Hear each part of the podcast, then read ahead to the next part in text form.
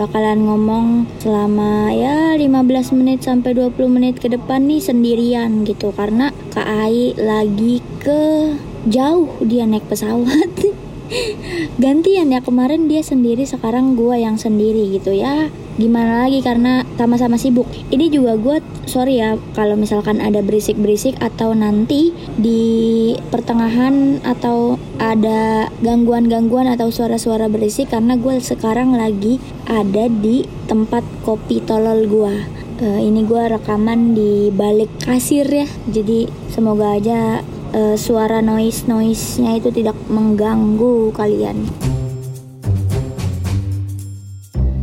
Gue kemarin sempet sharing sama teman-teman Instagram gue, terutama followers gue, tentang apa sih yang udah kalian dapetin selama kalian hidup gitu. Sekarang kalian udah umur berapa? Terus apa yang kalian dapetin? Apa pencapaian terbesar kalian gitu? Terus kalau misalkan nggak kecapai, apakah kalian malu? Nah itu gue bakalan ngebahas seputaran itu.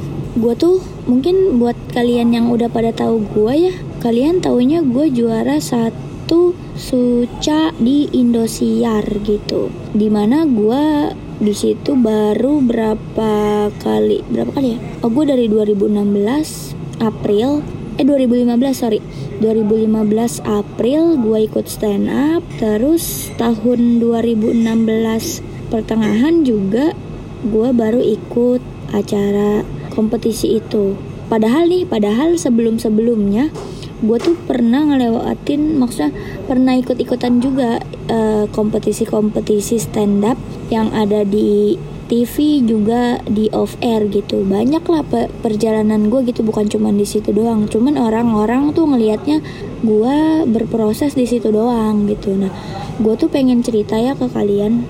Kalau sebenarnya proses gue tuh ya lumayan panjang gitu enggak yang singkat enggak yang wah si Aci beruntung banget nih.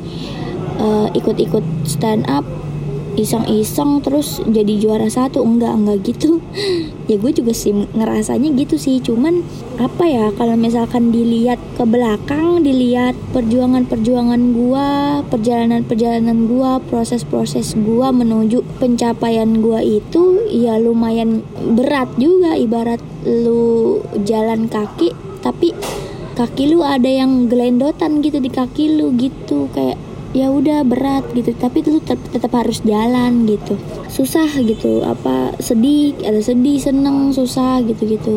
Gue dulu eh, waktu awal-awal ikut stand up tuh ya emang mikirnya ah gue cum gue suka sama dunia ini gitu gue suka sama stand up tapi di situ gue belum gue belum kayak mikir oh stand up dapat duit ya? Oh stand up bikin terkenal ya? Gue belum mikir belum mikir sampai situ. Gue cuman suka sama seninya terus gue masuk ke dalam dunianya terus gue tekunin karena gue suka ya kan? Gue tekunin gue seriusin gue belajar dari mana-mana. Gue jauh ke open mic sana sini.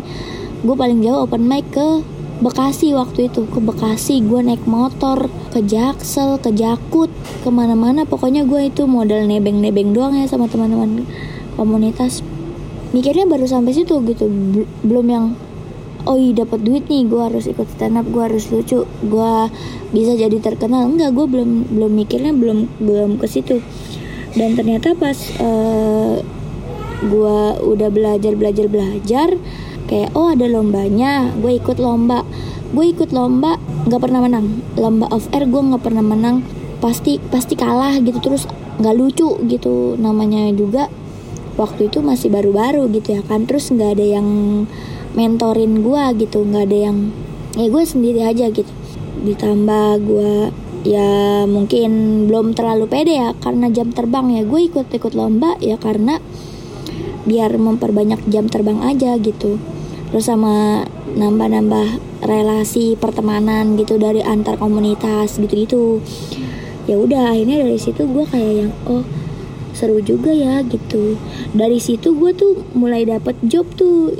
Dari mulai job yang dibayar cuman nasi kotak doang. Jadi gue waktu itu disuruh stand up terus dibayar pakai nasi kotak doang. Nggak cuma gue sih teman-teman komunitas gue juga. Dari situ gue ditawarin kayak oh ikut lomba no Ci ada hadiahnya loh gini gini gini. Gue ikut gue ikut pokoknya gue ikutin aja tuh semuanya. Gue nikmatin prosesnya. Sempet diomongin sama tetangga gara-gara pulangnya malam terus gitu. Ya karena kan open mic atau sharing-sharing materi stand up tuh ya mulainya aja dari jam 7 malam gitu jam 7 jam 8 malam gitu. Jadi gue tuh pulangnya selalu malam kayak jam 11 gitu.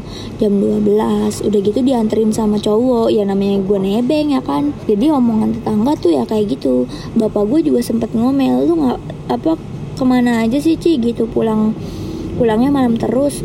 Ya gue coba jelasin gitu pelan-pelan. Gue nggak macem-macem kok gitu kalau nggak percaya ikut Aci aja gitu ke komunitas nih tempat Aci belajar gitu gitu belajar stand up Se sempet di ditanya emang lucu ikut ikutan stand up gitu gitu ya nggak lucu sih cuman gue suka aja gitu gitu. Sampai akhirnya gue ikut.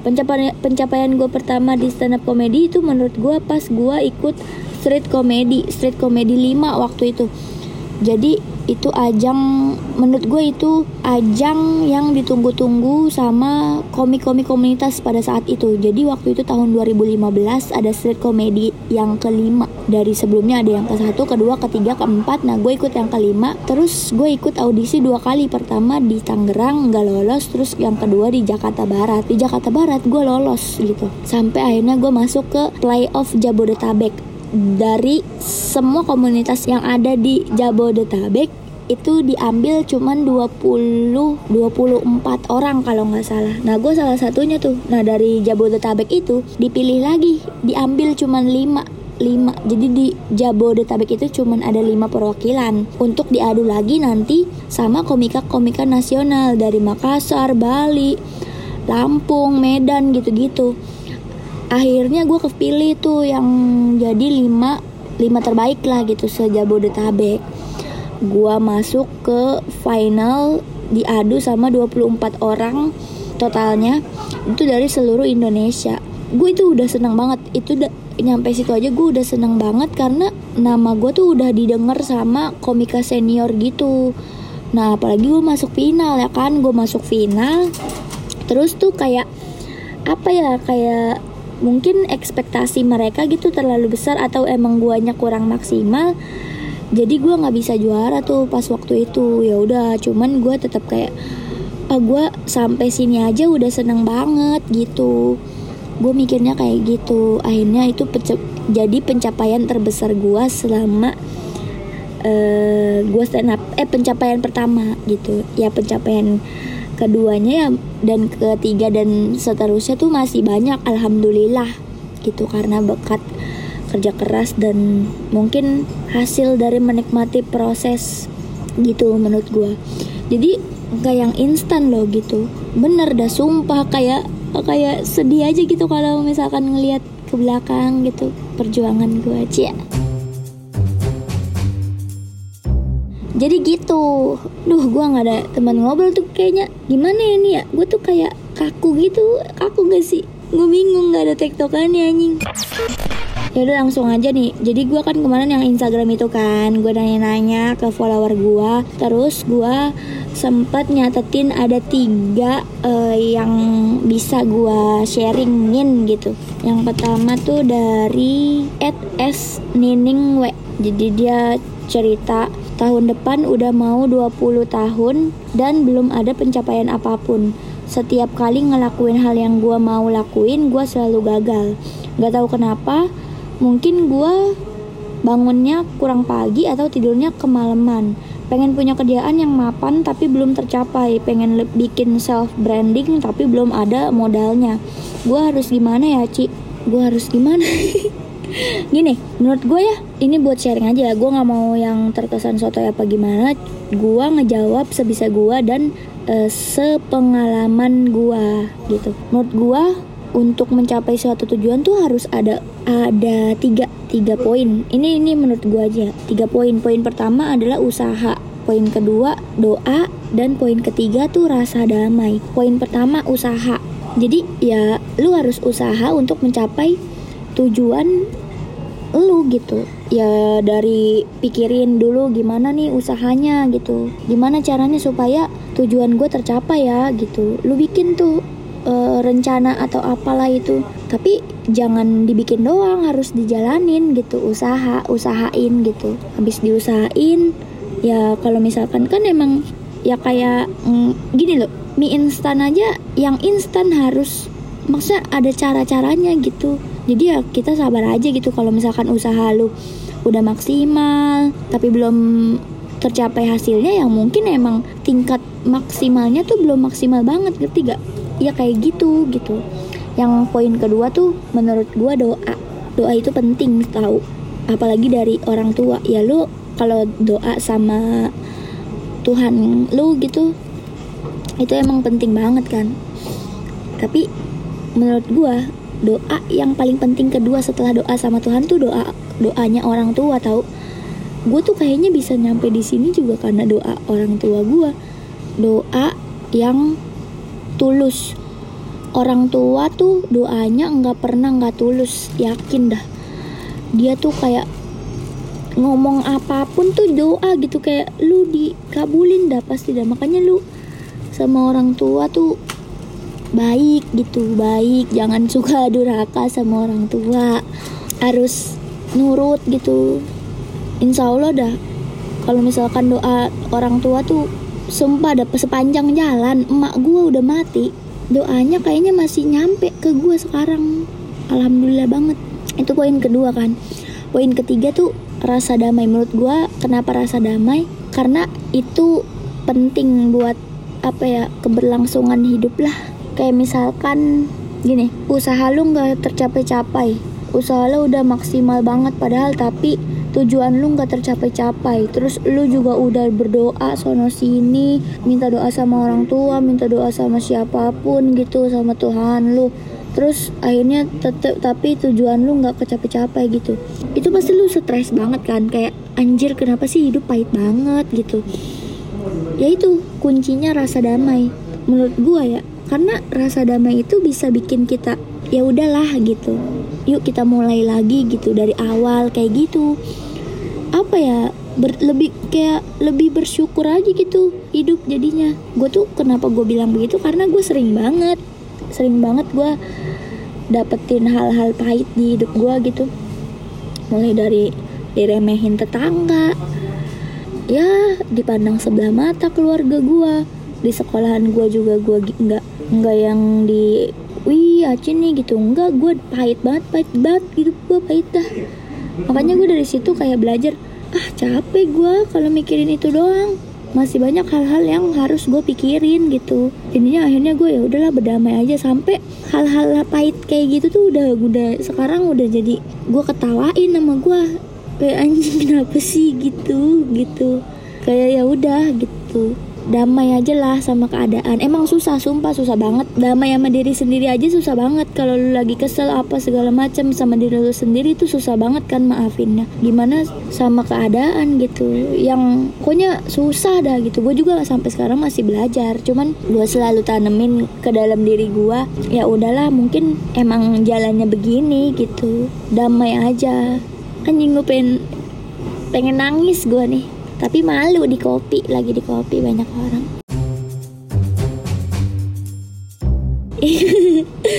Itu dia itu dia yang dari si S Nining W. Makasih ya menurut gua lu keren keren. Maksudnya gini lu nggak perlu malu kalau lu belum bisa mencapai uh, tujuan lu.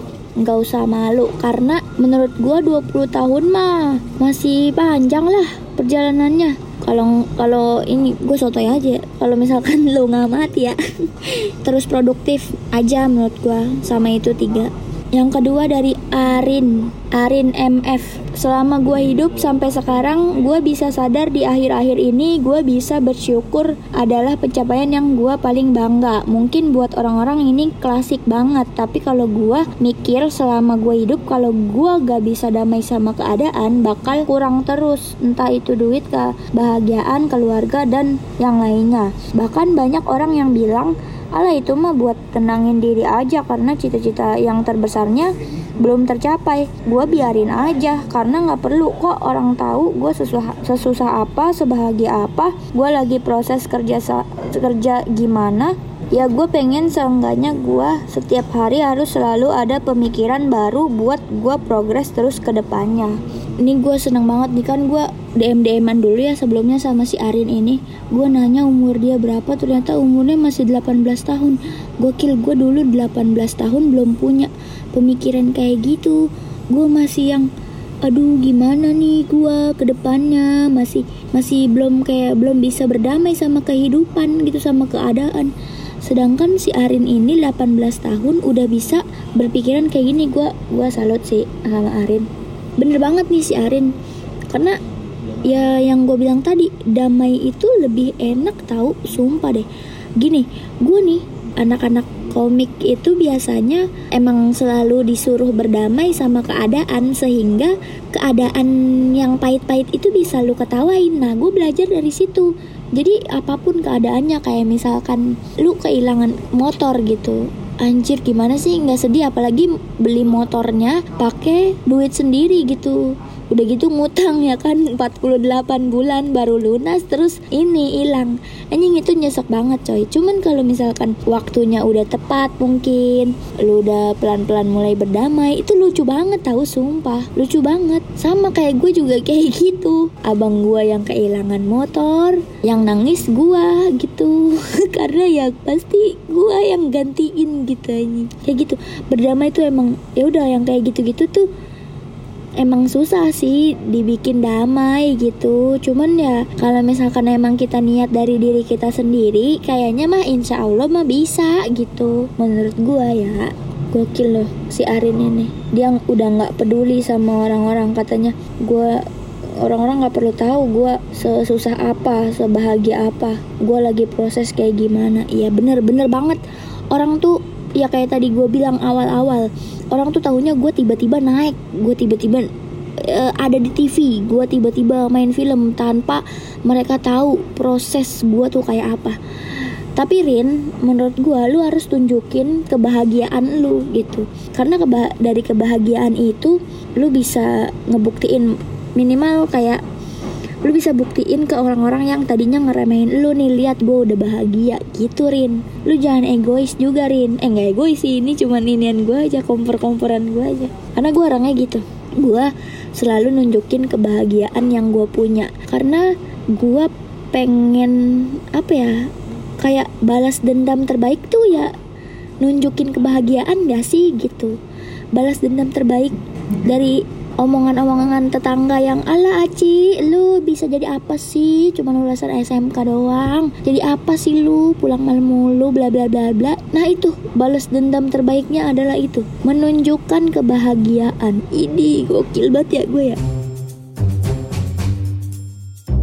Udah tahu dari Arin. Sekarang yang terakhir gue cuman bisa sebutin tiga ya sorry banget buat teman-teman yang udah curhat ke gua atau sharing ke gua terima kasih banget. Tapi gua karena waktunya jangan terlalu lama ya takutnya yang dengerin podcast pada bosen dengernya karena gua cuman sendiri. Udah gitu suara gua abil bebe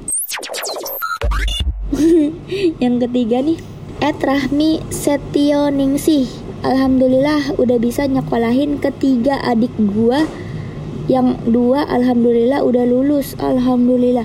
Yang satu masih SMP jadi bantu doa ya Ci. Mungkin sebagian orang mikir ini cuma hal sepele tapi bagi gua yang mulai nyekolahin adik gua dari gua umur 17 tahun ini sebuah kebanggaan. Yang paling bangga adik-adik gua selalu ngebanggain gua di depan temennya. Wih bantu dia. Bantu doa ya Ci. Gua sama adik gua lagi buka usaha fotografi dan MUAO Makeup Artist. Semoga semuanya lancar, sukses. Kapan-kapan gue pengen mampir ke kopi tolol lu sebagai pecinta kopi, wajib gue ke sana. Lu inspirasi gue Ci, apalagi pas lu bangun rumah. Gue lagi berusaha biar bisa bangun rumah. Alhamdulillah ya Allah. Ini gue salut banget nih sama Rahmi. Eh, lu keren banget deh. Gue, gue, gue, gue apa ya kasih. Gue kalau lu ke sini gue kasih gratis es kopi tolol deh satu. Gue gue keren banget sih lo dia nyekolahin tiga orang adiknya. Yang dua udah lulus coy. Yang satu masih SMP gue doain banget semoga lu sehat dan rezeki lu lancar biar bisa nuntasin sekolah adik lu ya Rahmi. Ih seneng banget gue terus adik-adiknya tuh bangga gitu sama iyalah gimana nggak bangga? Gue kalau punya kakak kayak lu juga kayaknya bangga lah gue disekolahin sama lu. Ih gila bangga banget sumpah. Sumpah sumpah ini gue nggak tahu mau ngomong mau ngomong apa lagi.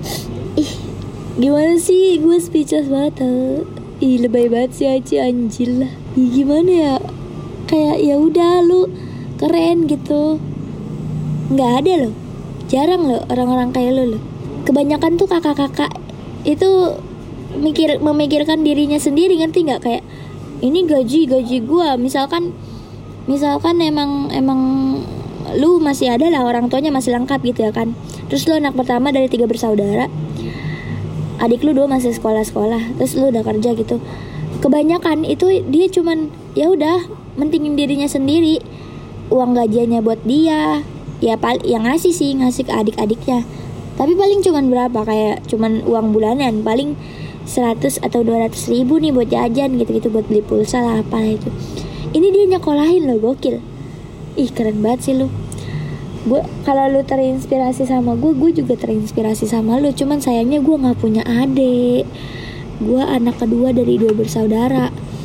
Abang gue udah nah tapi gue juga bangga sama abang gue dulu pas emak gue udah meninggal yang bantu sekolahin gue juga abang gue beberapa apa keperluannya abang gue gitu gitu gue bangga sih. Pokoknya gue selalu bangga dan menghargai usaha orang-orang yang uh, membuat hidup gue jadi lebih baik membuat hidup gue jadi lebih gampang gitu.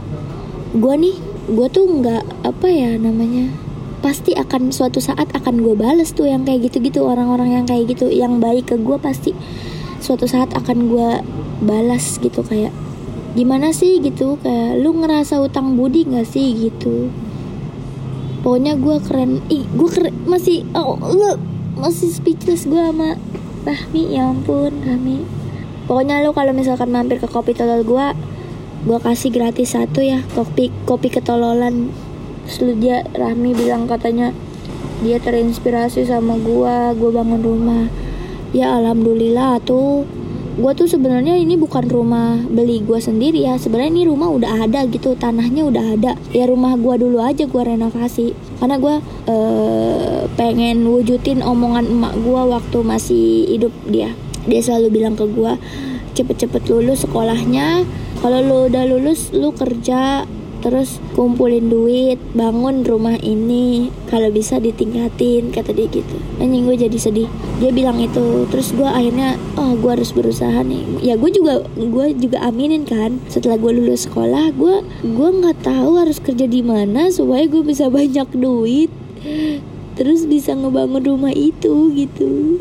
Gue nggak tahu di mana. Tapi gue aminin aja dulu gua apa ya namanya ma gua gua jalanin aja dulu gua kayak yakin gitu ya uh, doain juga ya ma gitu. Gue selalu uh, minta doa juga supaya gue bisa ngewujudin omongan dia. Sekarang alhamdulillah semuanya udah udah terwujud cuman ya dianya nggak ada. Mungkin dia ngelihat dari sana gitu kan. Udah nih apa wasiat? Eh apa sih wasiat? Iya wasiat ya wasiatnya udah Aci, Aci penuhin gitu. Insya Allah lah gitu. gue juga berterima kasih sih sama mama gue soalnya kayaknya dia emang emang dia yang bikin gue jadi kayak gini. Doanya manjur banget. Jadi untuk emakku yang lagi dengan podcast ya emang di surga ada podcast ya. Pokoknya buat semuanya yang lagi apa namanya bingung belum punya pencapaian. Jangan sedih kalian masih anggaplah kalian masih punya banyak waktu seribu juta miliar apalah itu. Umur kalian anggap aja masih segitu usaha yang maksimal. Karena hasil tidak akan mengkhianati mengkhianati proses gitu. Semangat semua teman-teman. Jangan lupa menjadi baik selalu menjadi baik. Gue juga lagi belajar sih selalu menjadi baik ke orang-orang Terima kasih teman-teman. Maaf nih, aduh, kok gue jadi begini ya. Oke teman-teman kalau begitu Terima kasih maaf mohon maaf kalau ada yang kurang-kurang Akhir kata Semoga semuanya bisa melewati Apa-apa yang kalian hadapi Terima kasih. Wassalamualaikum warahmatullahi wabarakatuh. Dah.